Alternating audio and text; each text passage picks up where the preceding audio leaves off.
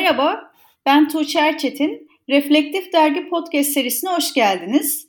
Derginin bir imkan alanı olarak kültür temasını ele, alan sayısının yazarlarından Ateş Altınordu ile birlikteyiz. Ateş Hocam hoş geldiniz. Merhabalar, hoş bulduk. Sevgili hocam, e, bir imkan alanı olarak kültür konusunu ele alan sayıda siz e, son günlerde oldukça tartışılan, tartışıldıkça da merak edilen ve bu tartışmaların sosyal medyaya da yansımasıyla ve tabii yani e, tartışmanın nedenini anlamaya çalışan merak sebebiyle de izlenme sayılarını artıran dizi hakkında bir makale yazdınız. Sansürün bazı koşullarda daha çok ilgi yaratmasına sebep olduğunu da e, açıklıyorsunuz makalenizde. Hı hı. Türkiye'de popüler kültür ve siyaset Kızılcık Şerbeti tartışması e, başlıklı bir çalışmanız var. Çalışmanızın genel tartışmasından önce isterseniz biraz sizin çalışmanızın öyküsünü dinleyelim. Öykünüz ve yolculuğunuz nasıl oldu hocam? Ee, çok teşekkür ederim. Ee, öncelikle podcast'a davet ettiğiniz için.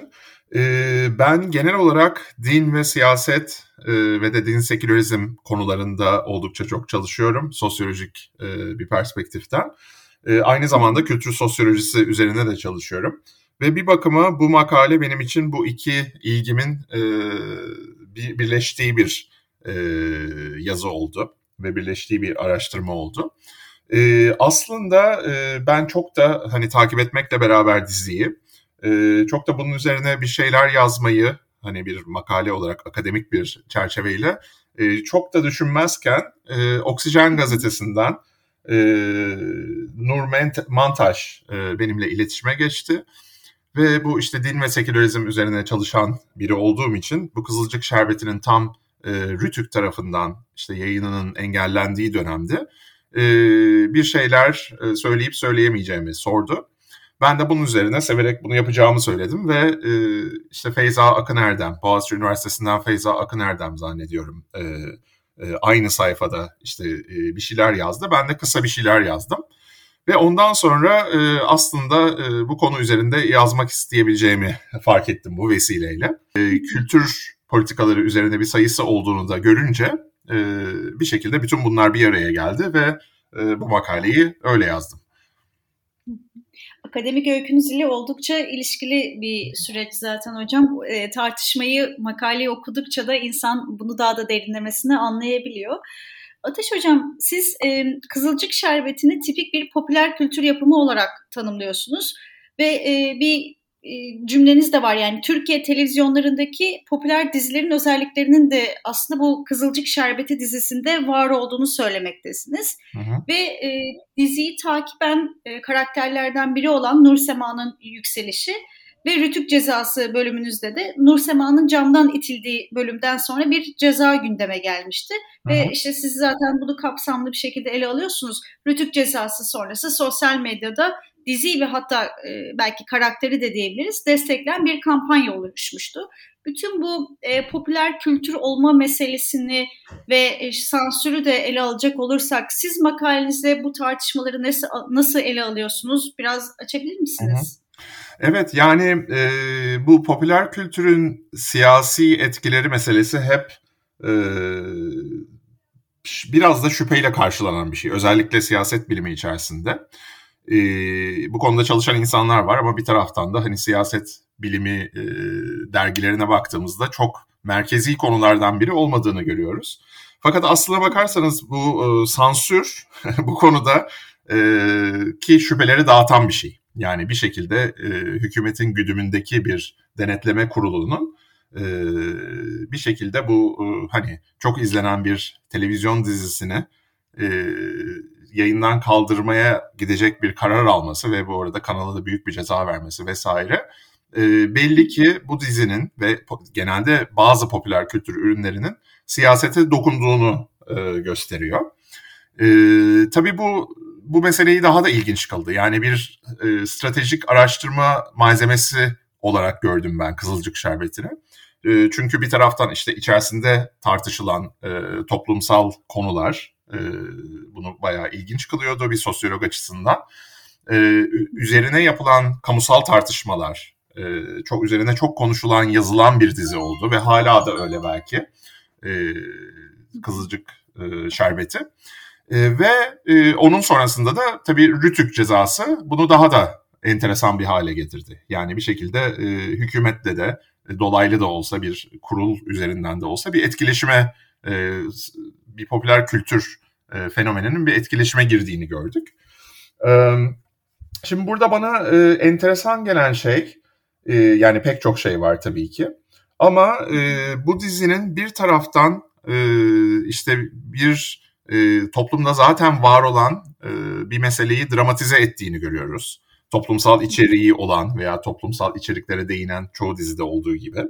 E, yani buradaki işte e, Türkiye'deki seküler e, ve batılı yaşam tarzına sahip kesimle diyelim e, muhafazakar, dindar kesimin yaşam biçimleri arasındaki farklılıklar e, tabii çok ana bir tema bu dizide.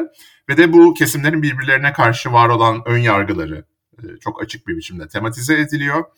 E, yani burada bir genel olarak bir hani e, var olan bir şeyin kur, kurgusal olarak dramatize edildiğini görüyoruz ve bu da belli ki bir şekilde e, seyirciye hitap etti. Çünkü çok izlenen bir dizi oldu.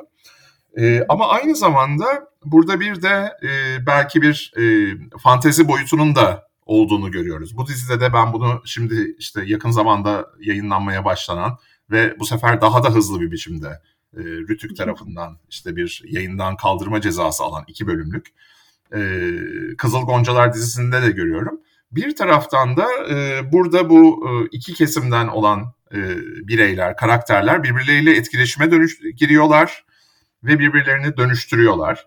Ve e, bu ilk baştaki işte şeyden, çatışmadan diyelim veya işte farklılıkların ön plana çıktığı, ön yargıların ön plana çıktığı karşılaşmalardan e, daha enteresan e, bir takım e, dönüşümler ve etkileşimler ortaya çıkıyor. Yani işte bir e, arkadaş olanlar, aşık olanlar, e, işte birbiriyle dayanışmaya girenler e, vesaire. Ve bu da bir e, yani e, posteküler bir e, fantezi içeriyor belki. Yani bir taraftan da toplumun belki de e, işte yaşamak istediği, görmek istediği, e, gerilimin aşılmasını istediği bir şeye de tekabül ediyor olabilir gibi geliyor bana bu dizide işlenenler.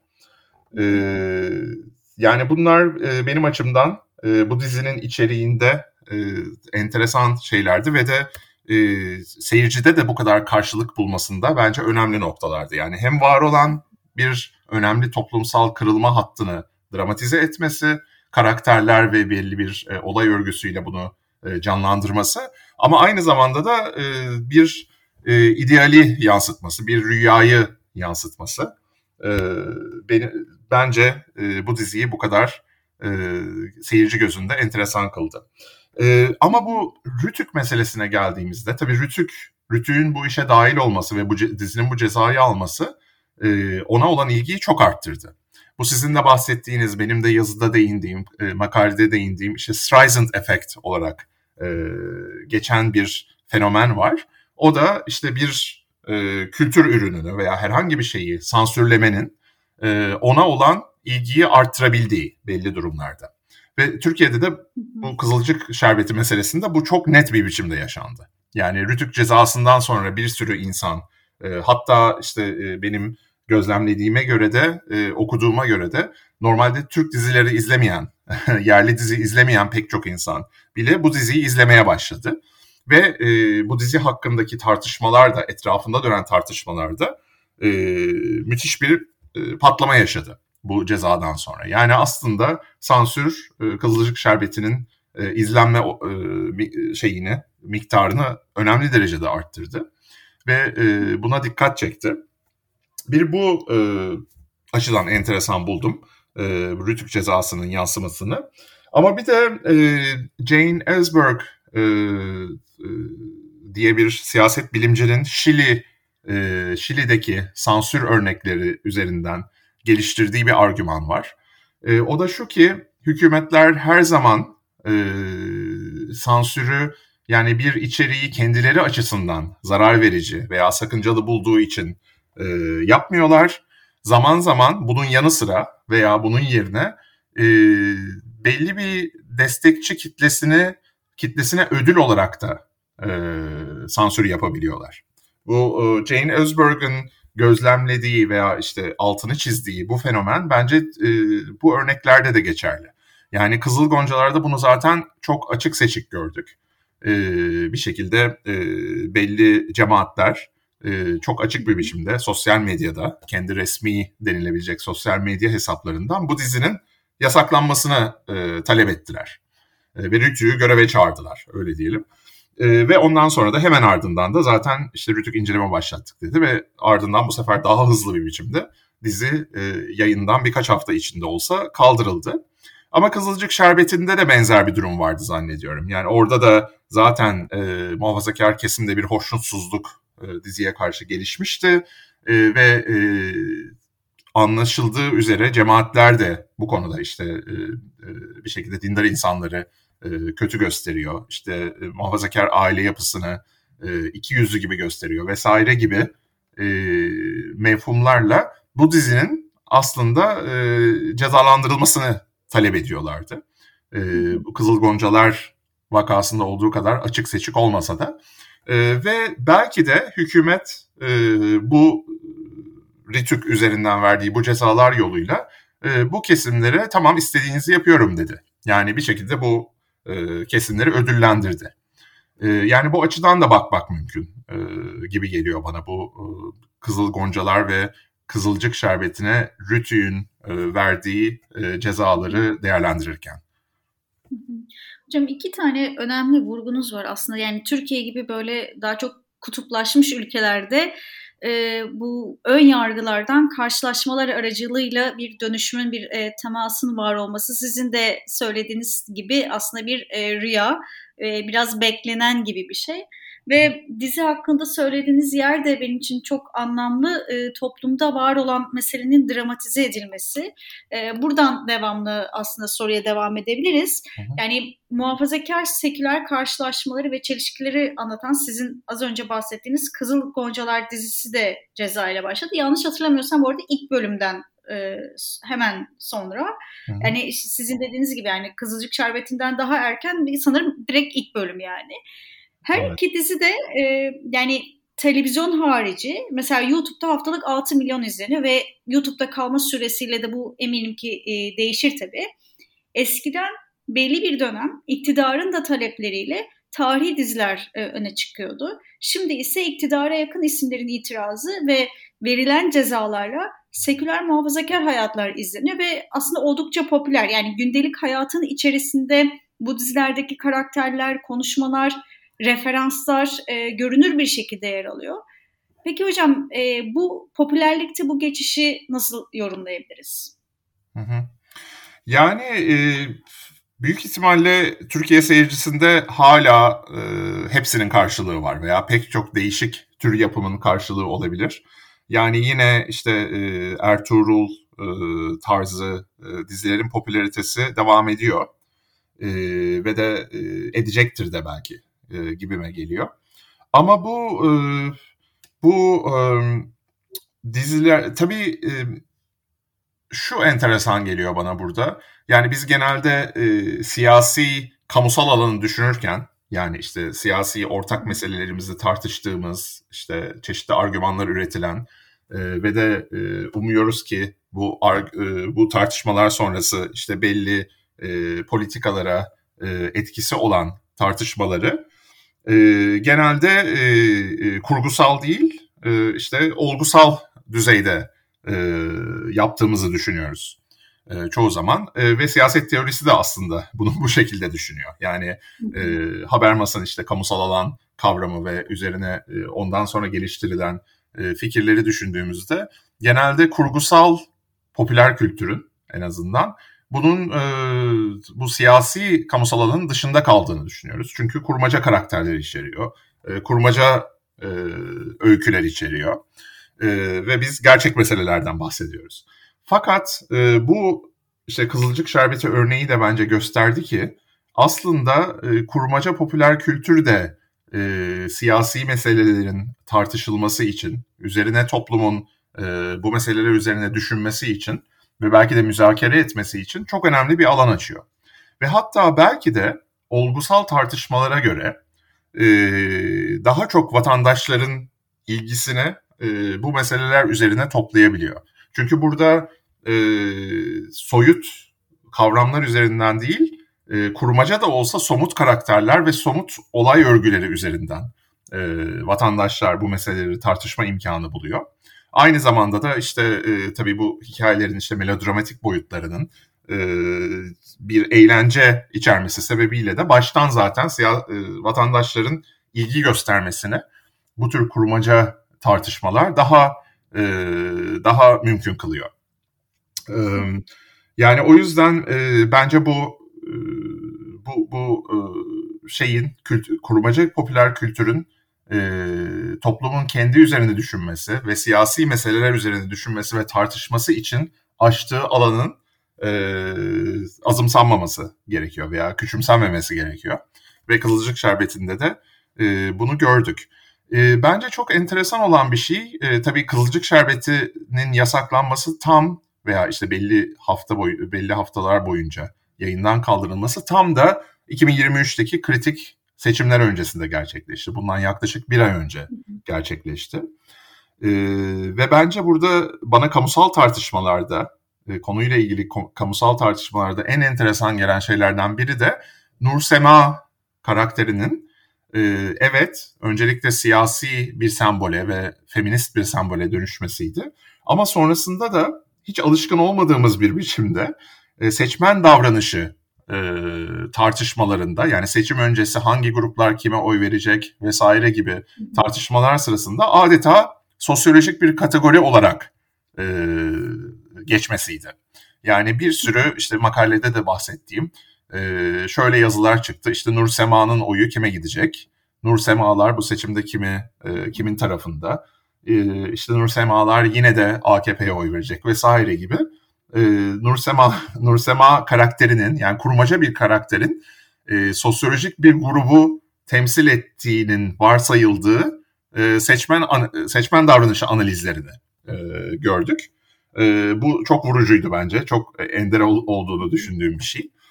E, e, yani bu bütün bu açılardan bence e, aslında e, kurmaca popüler kültür üzerinden siyasetin tartışılabildiği enteresan e, örnekler oldu bu diziler. E, bir taraftan da şunu bize gösterdi. Belki de bildiğimiz bir şey bu. Fakat e, fakat bu şeyle bu e, iki vakayla Kızıl Goncaları da buna dahil görüyorum. Daha net bir biçimde görebildik bunu. E, yani burada aslında seküler kesimden gelen diyelim karakterlerin de e, mükemmel gösterildiği, veya bütün dindar karakterlerin veya dindar karakterlerin çoğunluğunun e, olumsuz bir biçimde çerçevelendiği örnekler değil iki dizide.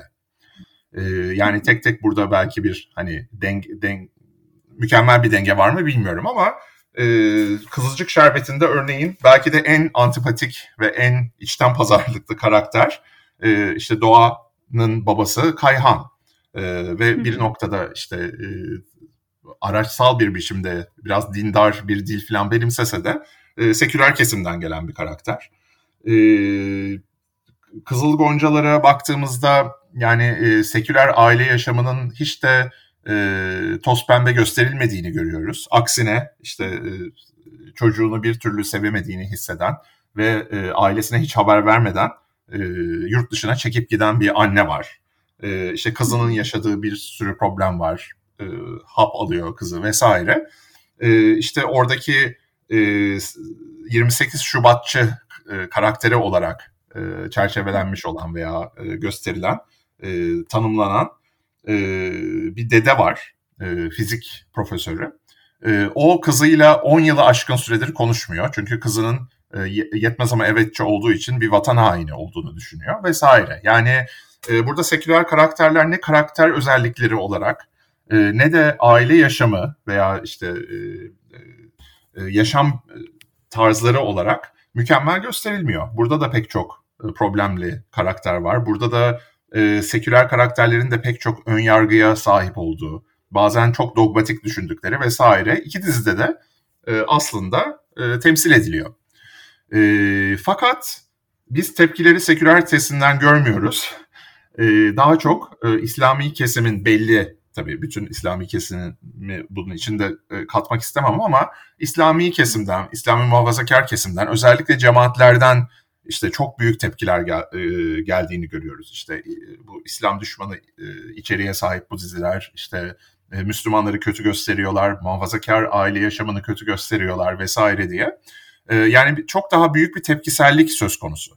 Kendini eleştirel bir perspektiften görmeye karşı direnç söz konusu kısacası. Ve bunun e, ötesinde de e, devlet gücünü sürekli bir kendi adına göreve çağırma e, refleksinin yerleşmiş olduğunu görüyoruz bu kesimde.